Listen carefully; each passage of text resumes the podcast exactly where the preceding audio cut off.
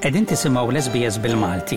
Isma' aktar stejjer interessanti f'sbs.com.au/maltese.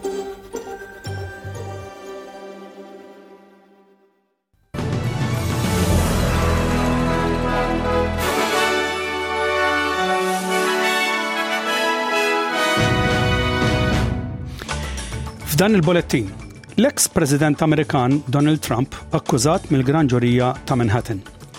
Il-Gvern huwa lest li appoġġa żieda fil-pagi għal ħaddiema l-inqas imħalsa tal-Awstralja.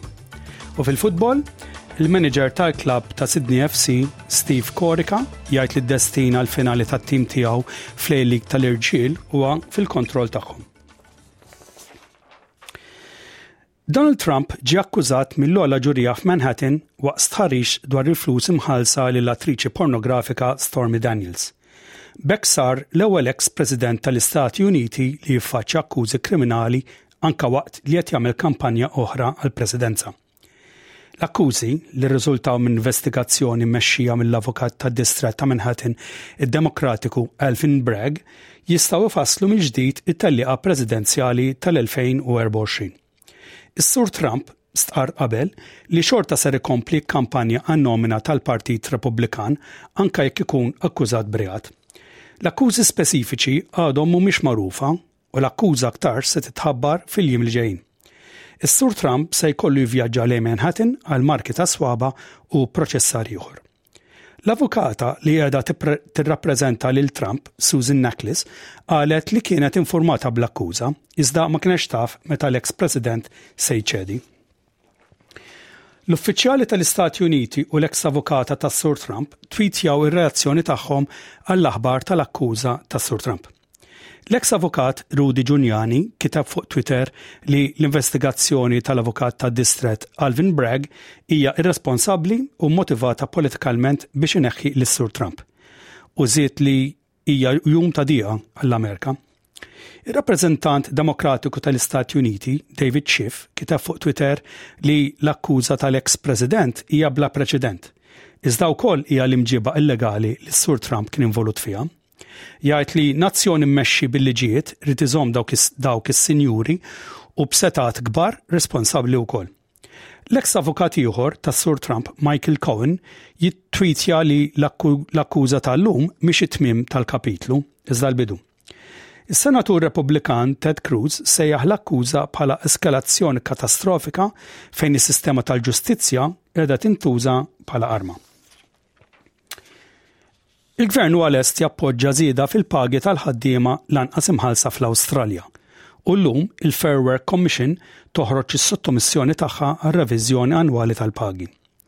L-ogħla grupp tal-unions, l-ACTU, qed timbotta għal żieda ta' 7% fil-paga minima u award wages f'konformità mal-inflazzjoni filwaqt li l-Kamra tal-Kummerċ u l-Industrija Awstraljana rrikomandat żieda aktar moderata ta' erbgħa fil-mija.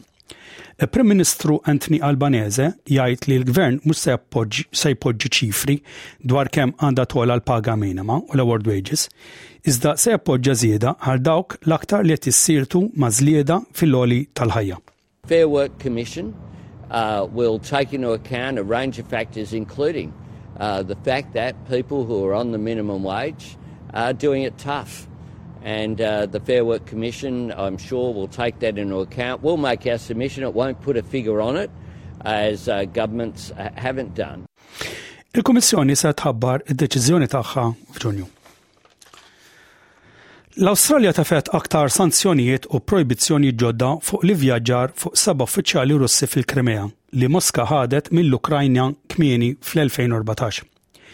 L-uffiċjali għandhom pożizzjonijiet fil-gvern reġjonali fl-akbar gbert tal-reġjun ta' Sevastopol. Il-komunità internazzjonali ma tirrikonoxxix la l-annessjoni u lanqas il-gvern uffiċjali reġjonali tar-Russja. L-uffiċjali Russi jinkludu l-gvernatur, il-Prim Ministru, l-eks President u l-Viċi President tal-Kummissjoni Elettorali u l-membri leġiżlattivi.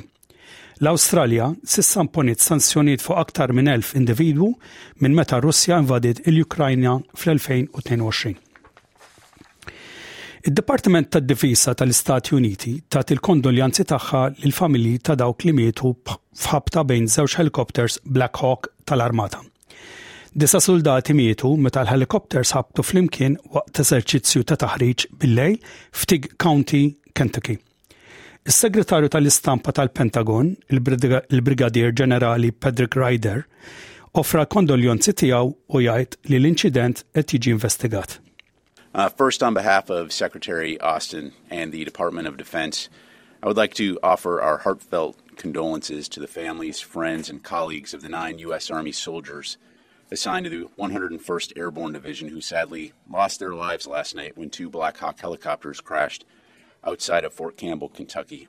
According to Army officials, the helicopters were performing planned night training flight operations at the time of the incident.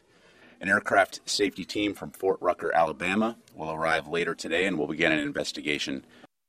Il-helicopters niżlu falqa qrib zona residenzjali. Ħadd ma weġġa' f'din iż-żona. Helikopter wieħed kellu ħames persuni abbord u l-ieħor kellu erba'.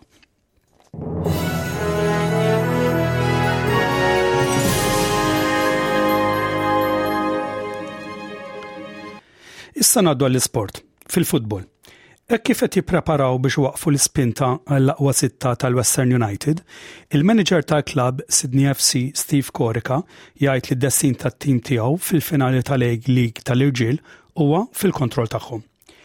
Sidni jilqgħu lit-tim ta' John Alois nhar is-Sibt u jafu li b'rebħa jkunu qed isaħħu l-ambizzjonijiet tagħhom għal post fil-finali, filwaqt li jagħtu daqqa 'l isfel lil Western United. Sidni għandhom rebħa waħda biss mill-aħħar ħames logħbiet, l-aktar reċenti, it-telfa ta' erba' b'xejn ma' Western Sydney Wanderers fl-Allianz Stadium. Corica jgħid li bit-telfa tad-derby b'dik il-mod kienet diżappuntanti,